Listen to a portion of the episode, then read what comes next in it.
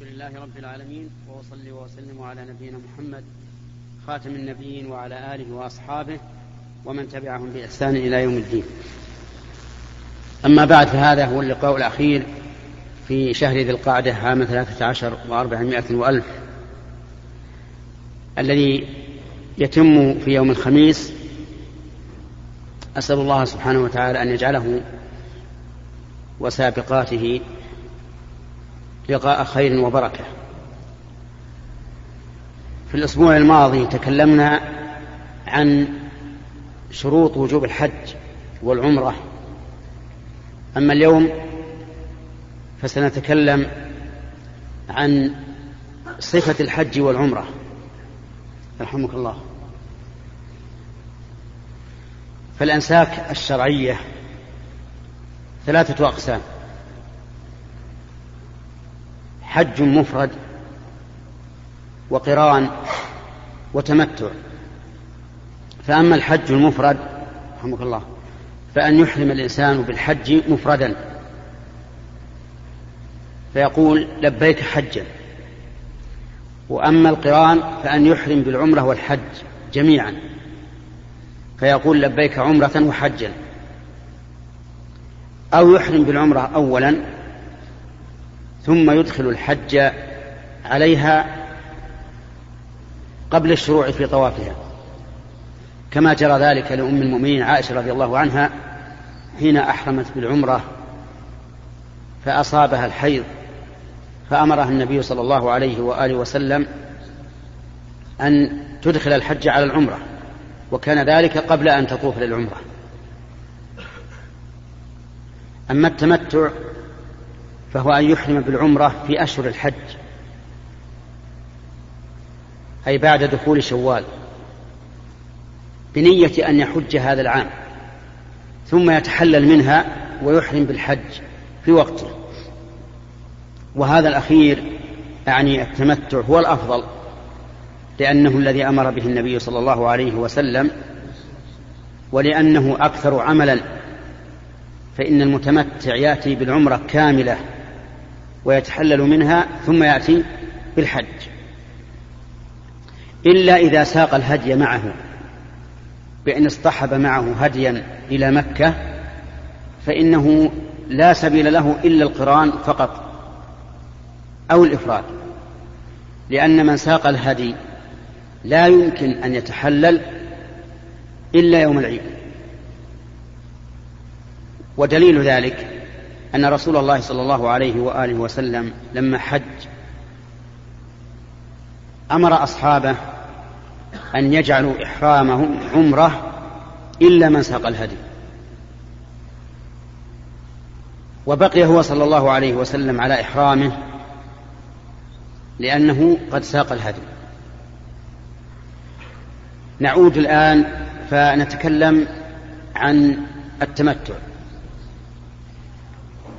قلنا إن التمتع أن يحرم بالعمرة في أشهر الحج أي بعد دخول شوال ويحل منها ثم يحرم بالحج في ذلك العام.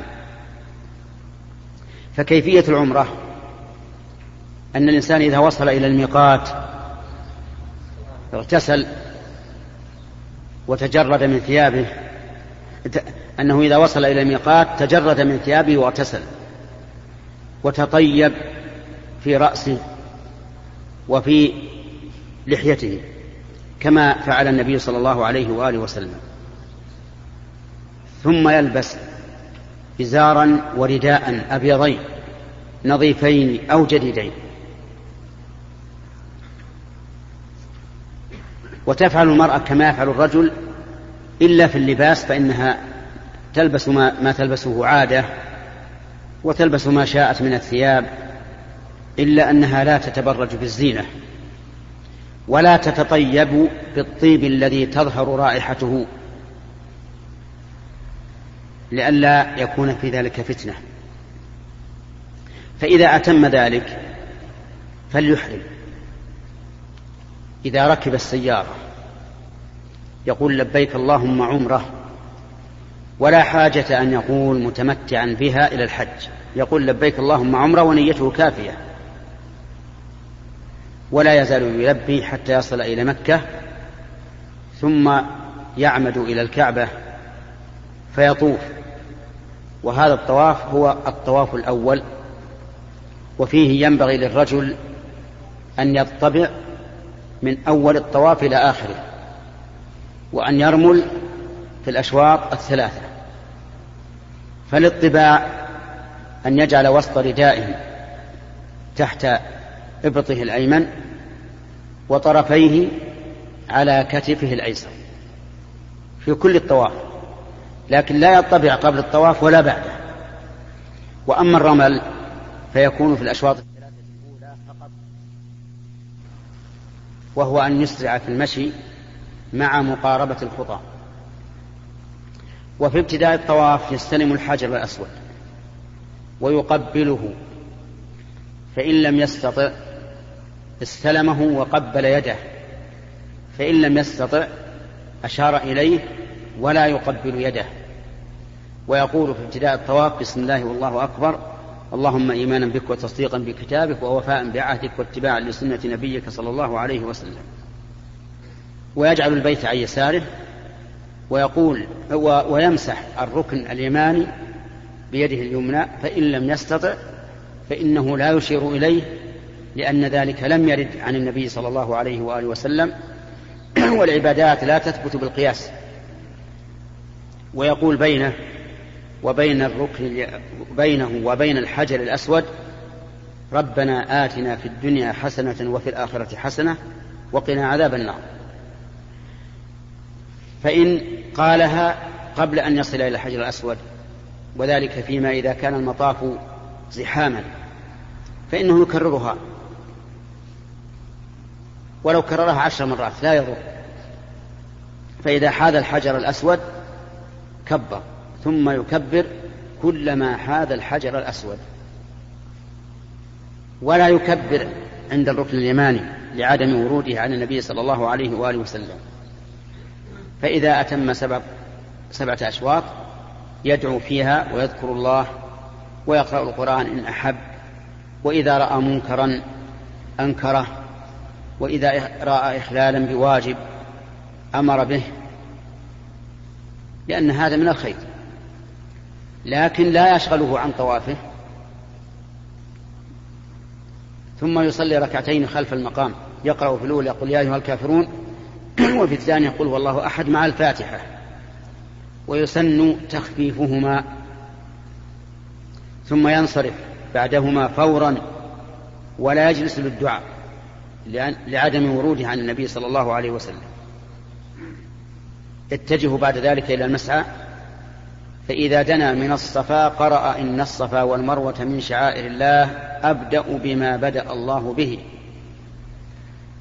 فيرقى على الصفا ويستقبل القبلة ويرفع يديه داعيا ويقول الله أكبر ثلاثا. لا إله إلا الله وحده لا شريك له له الملك وله الحمد وهو على كل شيء قدير. لا إله إلا الله وحده أنجز وعده ونصر عبده وهزم الأحزاب وحده. ثم يدعو بما أحب ثم يعيد الذكر مرة ثانية ثم يدعو بما أحب ثم يعيد الذكر مرة ثالثة ثم ينزل. متجها إلى المروة حتى يصل إلى العمود الأخضر ثم يسعى سعيا شديدا أي يركض. إلا إذا كان هناك زحام وتأذى بالركض أو آذى غيره فلا يفعل. فإذا وصل إلى المروة صعد عليها وقال ما قاله على الصفا. هذا شوط. إذا رجع من المروة إلى الصفا فهو شوط آخر حتى يكمل سبعة أشواط. فماذا يقول في هذه الأشواط الطويلة؟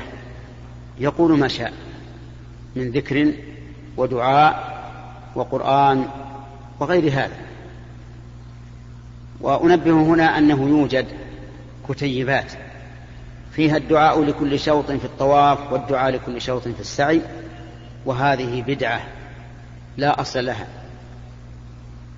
ولا يعمل بها لأن كل بدعة ضلالة.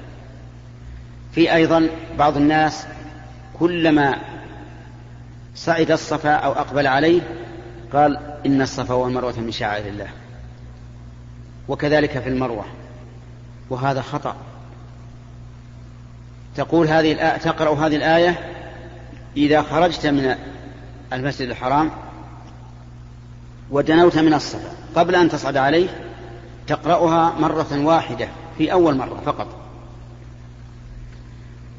ثم بعد السعي يقصر من رأسه من جميع الرأس وبذلك تمت العمرة وحل التحلل كله. فإذا كان اليوم الثامن من ذي الحجة أحرم بالحج. فماذا يصنع؟ نقول أيام الحج اليوم الثامن والتاسع والعاشر والحادي عشر والثاني عشر خمسة أيام. وإن شاء زادت الثالث عشر فتكون ستة. ولننظر ماذا يفعل في اليوم الأول. في اليوم الأول يوم الثامن يحرم بالحج من ضحى قبل الظهر من مكانه الذي هو فيه. إن كان في مكة فمن مكة إن كان في منى فمن منى إن كان في عرفة فمن عرفة من أي مكان. فيحرم بالحج من مكانه في أي مكان. ثم يخرج إلى منى ويبقى في فيها يصلي الظهر والعصر والمغرب والعشاء والفجر. قصرا بلا جمع. لأن النبي صلى الله عليه وآله وسلم لم يجمع في حجه حين خرج إلى الحج إلا في عرفة ومزدلفة فقط. فإذا طلعت الشمس يوم عرفة وهو اليوم التاسع فماذا يفعل؟ يذهب إلى عرفة. وإن تيسر له أن ينزل بنمرة نزل إلى زوال الشمس ثم ركب إلى عرفة. وإن لم يتيسر كما هو الغالب في الوقت الحاضر فليستمر في سيره إلى عرفة وينزل في عرفة. فإذا زالت الشمس صلى الظهر والعصر جمع تقديم. ثم تفرغ بعد ذلك للدعاء والذكر. يدعو الله سبحانه وتعالى ويذكره بما بما شاء إلى أن تغرب الشمس. وبهذا تنتهي أعمال اليوم التاسع. اليوم العاشر ومنه الليلة ليلة العاشر بعد غروب الشمس يدفع من عرفة إلى مزدلفة فيصلي بها المغرب والعشاء جمعا وقصرا ويبيت بها حتى يصلي الفجر. ثم يذكر الله عز وجل إلى أن يسفر جدا ثم ينصرف إلى منى. فماذا يفعل في هذه الليلة؟ يصلي المغرب والعشاء في مزدلفة ويبيت بها ويصلي الفجر ويدعو حتى يسفر جدا. وله أن يدفع في آخر الليل من مزدلفة. إذا غاب القمر. لكن إن كان قويا لا يشق عليه مزاحمة الناس فإنه يبقى حتى يصلي الفجر ويدعو. وإن كان ضعيفا يشق عليه مزاحمة الناس أو امرأة أو نساء فإنه لا حرج عليه أن ينصرف في آخر الليل.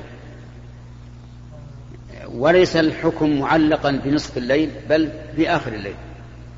وكانت أسماء بنت أبي بكر رضي الله عنهما ترتقب غروب القمر فإذا غاب دفعت. في يوم العيد وبعد بعد أن يصل إلى منى يفعل ما يأتي. أولا رمي جمرة العقبة. يرميها بسبع حصيات متعاقبات يكبر مع كل حصاة. ثم ينصرف ولا يقف. ثانيا النحر. ينحر الهدي أو يذبحه. إن كان من الإبل فنحر وإن كان من غيرها فذبح. ثالثا الحلق أو التقصير. رابعا الطواف بالبيت. خامسا السعي بين الصفا والمروة. خمسة أنساك تفعل في اليوم العاشر. ولهذا سمي هذا اليوم يوم الحج الأكبر لأنه أكثر الأيام أنساكا. وأنساك متنوعة. رمي ونحر وحلق طواف وسعي. وهذه الأنساك مرتبة كما سمعتم. يبدأ أولا بالرمي ثم بالنحر ثم بالحلق أو التقصير ثم بالطواف ثم السعي. فترتب هكذا. وإن قدم بعضها على بعض فلا حرج. اجلسوا هنا اللي بيجلس إن قدم بعضها على بعض فلا حرج. يعني لو أنه حين دفع من مزدلفة استمر في السير حتى وصل إلى مكة وطاف وسعى وخرج إلى منى فرمى ونحر وقصر أو حلق فلا حرج عليه. ولو أنه رمى ثم حلق أو قصر ثم نزل إلى مكة وطاف وسعى ثم عاد إلى منى ونحر فلا بأس. ولو أنه رمى ثم نحر ثم نزل إلى مكة وطاف وسعى ثم حلق فلا بأس. المهم أن تقديم هذه الأفعال الخمسة بعضها على بعض لا بأس به لأن النبي صلى الله عليه وسلم كان يرسل يوم العيد كان يرسل يوم العيد في التقديم والتأخير فما سئل عن شيء قدم ولا أخر إلا قال افعل ولا حرج. إذا في اليوم العاشر ماذا نفعل؟ نفعل خمسة أنساك. الرمي ثم النحر ثم الحلق أو التقصير ثم الطواف ثم السعي. مرتبة هكذا. وإن قدم بعضها على بعض فلا بأس. وإن أخر الطواف والسعي حتى ينزل من منى فيطوف ويسعى عند سفره فلا بأس وفي هذه الحال يجزي عن طواف الوداع. وإن نزل من منى ليلا وطاف وسعى في الليلة الحادية عشرة أو الثانية عشرة فلا بأس. لكن يلاحظ أن لا ينزل من منى إلا بعد منتصف الليل لأنه لو نزل من قبل فربما يحجزه السير عن الرجوع إلى منى فيفوته المبيت. فليكن محتاطا. إما أن ينزل مبكرا في النهار ليتمكن من الطواف والسعي والرجوع إلى منى قبل منتصف الليل وإما أن يتأخر حتى يمضي أكثر الليل ثم ينزل ليطوف ويسعى. في اليوم الحادي عشر يرمي الجمرات الثلاث. الأولى ثم الوسطى ثم العقبة. فيرمي الأولى بسبع حصيات متعاقبات يكبر مع كل حصاة. ثم يقف بعد ذلك مستقبل القبلة رافعا يديه يدعو دعاء طويلا كما جاءت بذلك السنة. ثم يرمي الوسطى بسبع حصيات متعاقبات يكبر مع كل حصاة. ثم يتقدم ويقف قليلا ويقف طويلا مستقبل القبلة رافعا يديه يدعو الله عز وجل. ثم يرمي جمرة العقبة ولا دعاء بعدها. فجمرة العقبة ليس بعدها دعاء لا يوم العيد ولا الأيام التي بعدها. وفي اليوم الثاني عشر يرمي الجمرات أيضا. الثلاث متعاقبات الأولى ثم الوسطى ثم العقبة ثم ينصرف. ولا يرمي في هذين اليومين عن الحادية عشر والثانية عشر إلا بعد الزوال. لأن النبي صلى الله عليه وآله وسلم لم يرمي إلا بعد الزوال وقال خذوا عني مناسككم. وبعد رمي الجمرات في اليوم الثاني عشر إن شاء تقدم تعجل ونزل إلى مكة وأنهى حجه وإن شاء تأخر لليوم الثالث عشر. لأن الله تعالى يقول فمن تعجل في يومين فلا إثم عليه ومن تأخر فلا إثم عليه لمن اتقى. فإذا كان اليوم الثالث عشر وهو متأخر في منى رمى الجمرات الثلاث كما يرميها في اليوم الحادي عشر واليوم الثاني عشر وبذلك انتهت أعمال الحج. وإذا أراد الخروج إلى بلده فإنه لا يخرج حتى يطوف للوداع طوافا بدون إحرام وبدون سعي. تقبل الله منا ومنكم ومن جميع المسلمين. ووفقنا وإياكم لما يحب ويرضى إنه جواد كريم. والآن يأتي دور الأسئلة من اليمين.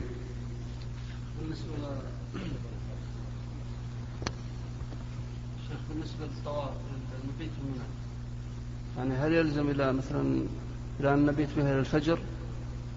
أو نذهب قبل؟ المبيت إلى منى يقول العلماء لا بد أن يبيت أن يبيت فيها معظم الليل. يعني ثلثين الليل إما من الأول أو من الآخر. يعني يزيد على النصف. نعم. بارك الله فيك. يا شيخ شخص عنده مزرعتين مزرعة في المدينة بصك لا زرع فيها ومزرعة هنا بالقصيم للقمح. فإذا أراد أن يبيع المحصول يبيعه بصك المدينة للدولة والدولة لا تجيز ذلك. نعم. هل يجوز؟ لماذا لا يبيع في صك القصيم؟ ما فيها ما لها صك. آه. نعم. آه بسم الله أولا هذا السؤال كما سمعتم يزرع في أرض ليس فيها صك ويقدم المحصول باسم أرض فيها صك ولكن ليس فيها زرع سؤالي الآن هل هذا كذب أو صدق. أسأل. نعم. كذب؟ طيب. تحصيل المال عن طريق الكذب حلال أو حرام؟ حرام. إذا لا يحل هذا الشيء. والرزق لا لا يستجلب بالمعاصي. إذا أردت الرزق فاتق الله وأطع الله. لقول الله تعالى ومن يتق الله يجعل له مخرجا ويرزقه من حيث لا يحتسب. الأرضين ملكه؟ أي نعم لكن هو ما قدم إلا باسم الأرض التي لم تزرع. فسيقول مثلا زرعت في الأرض الفلانية في المدينة وهو لم يزرع. أما نعم لو قالوا لو لو قبلوا بلا تعيين. يعني قال هذا زرعت في ملكي بلا تعيين فلا بأس. لكن بيعين يعني هو لو قدمه بأن هذا هذا الزرع من أرض لي أو بستان لي ولم يعين فلا بأس. لكن لا لا, لا بد أن يعين. إذا يقدم صك المدينة الواضح أنه زرع في المدينة. أي ما بالشك فيكون هذا نعم يكون هذا كذبا. فضيلة الشيخ مر في درس السبت. في المحاضرة السبت إن انسان إن إنسان اعطيه حجة وجاء سؤال على على الموضوع وأفتيتم جزاكم الله خير انه إنه له إنه من من أراد ان ان ياخذ إن يأخذ دراهم ليحج له ينوب عنه إنسان ثاني. وهذا الناس يختارون الإنسان الإنسان بشخصه لا يختارون الحجة بنفسهم لأن الإنسان بعض الناس يطلبون بالمعروف يحج عن ميتهم وبعض الناس يطلب بالمعروف أن يحج هو ما ما يرضى. نعم. الظاهر لي أنك آه، يعني فهمت خطأ. لأنه لا يجوز للإنسان إذا أعطي حج أن يقيم غيره مقامه. إلا بعد مراجعة إلا بعد مراجعة صاحبه. أو إلا إذا قيل له خذ هذه الدراهم أعطها من تراه صالحا. أما إذا قل إذا عقد معه على أنه هو الذي هو الذي سيحج فإنه لا يجوز أن يعطيها غيره. لأني أنا ربما أختار هذا الرجل ولا أختار الآخر. نعم. هذا هو, هو هذا هو الواقع. أما ما ذكرت فربما فاتك شيء من الكلام. جعل مثال يا شيخ أن البيت أن الإنسان يستأجر بيت. إنما هذا اللي جعل المثال هذا. إن الإنسان اللي استأجر بيت. واللي أن يوجر على الإنسان بقل من من من ما يستأجر به هو نفسه. بأكثر بأكثر مما يستأجر هنا لا هذا قياس مع الفارق يا سليم. لأنه مرة في السؤال نفسه. أي لا هذا سؤال مع الفارق. لأن لأن سكن البيت ما يهم المست... المؤجر. سكنه زيد أو, أو, أو عبيد. ولهذا قلنا بشرط أن لا يكون المستأجر الثاني أكثر ضررا من المستأجر الأول. إيه؟ هذا هذا غير هذا. فالمهم أنه إذا كان إذا إذا كانت تتفاوت فيه الرغبات فإنه لا يجوز أن يعطيه غيره. مثل أفرض أني مثلا استأجرتك تنسخ لي كتابا. لا يجوز أن تعطيه غيرك ينسخه لأني ربما أختار كتابتك ولا أختار كتابة الآخر. وهكذا الحج نعم. جزاك الله مثل السؤال هذا. الإنسان من المعروف هي عن خاطره ولا ولا ما راح عن إيش هذه يعني؟ إيش؟ الإنسان يقول لك حج عمي. أي نعم. أنا قلت لكم في أثناء الدرس إن الإنسان إذا أخذ الحج لأجل قضاء حاجة صاحبه وما يحصل له هو من خير في, في المشاعر فهذا طيب. يؤجر عليه الإنسان. جزاكم الله خير شيخ. هناك رجل يا شيخ توفى وبعد ما توفى عنده زوجتين. أنجبت إحدى زوجاته ولدا والزوجة الثانية عقيم لا تنجب منذ تزوجها. هل الولد يخرج أمه الثانية؟ يعني الزوجة الثانية هل يخرجها عن العدة؟ أي نعم. إذا كان للرجل زوجتان إحداهما حامل ومات. فوضعت الحامل بعد مضي أسبوع مثلا أو بيوم انقضت عدتها وانقضى إحدادها. والثانية تبقى حتى تتم أربعة أشهر وعشرة أيام وإن كانت حاملة فحتى تضع ربما ما تضع إلا بعد عشرة أشهر. المهم كل واحدة لها, لها حكم نفسها. ما يخرج الزوج الثاني ما تمنع الزوج الثاني نعم. يا شيخ رجلان أصحاب مزرعة ولهم مسجد صغير فمرض أحدهم ولا يستطيع الذهاب إلى المسجد. فالآخر هل يذهب يصلي في المسجد منفرد؟ أو يصلي مع صاحبه في بيته بخصوص الجماعة وفضلها نعم. هل هل المسجد يأتيه أحد؟ لا المسجد الصغير لهم فقط.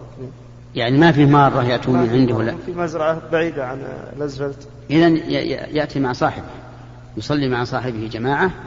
أفضل من كونه يصلي في المسجد منفردا. فضيلة الشيخ يشاهد على بعض المصلين أنه في أثناء سجوده يرفع إحدى قدميه أو كلاهما. فما حكم هذا الشيء؟ لا يجوز للساجد أن يرفع شيئا من أعضائه السبعة لأن النبي صلى الله عليه وآله وسلم يقول أمرنا أن نسجد على سبعة أعظم على الجبهة وأشار بيده إلى أنفه والكفين والركبتين وأطراف القدمين فإن رفع رجليه أو إحداهما أو يديه أو إحداهما أو جبهته أو أنفه أو كليهما فإن سجوده يبطل ولا يعتد به. وإذا بطل سجوده ولم يأتي ببدله على وجه مشروع فإن صلاته تبطل. فضيلة الشيخ بالنسبة لل... للاشتراط في الحج هل هناك حالات معينة يشترط فيها الحج؟ ويقول إن حبسني حابس فمحل حيث حبسني؟ الاشتراط في الحج أن يقول عند عقد الأحرام إن حبسني حابس فمحلي حيث حبستني. وهذا الاشتراط لا يسن إلا إذا كان هناك خوف من مرض أو امرأة تخاف من الحيض أو إنسان متأخر يخاف يخشى أن يفوته الحج. ففي هذه الحال ينبغي أن يشترط. وإذا اشترط وحصل ما يمنع من إتمام النسك فإنه يتحلل وينصرف ولا, ولا, ولا شيء عليه. أما إذا كان الإنسان غير خائف فالسنة أن لا يشترط. أن يعزم ويتوكل على الله ويحسن الظن بالله عز وجل. نعم. السلام عليكم. السلام ورحمة الله. فضيلة الشيخ وصل إلى وصلت إلى مزدلفة بعد من فضلك اقلب الشريط. أصليها قبل.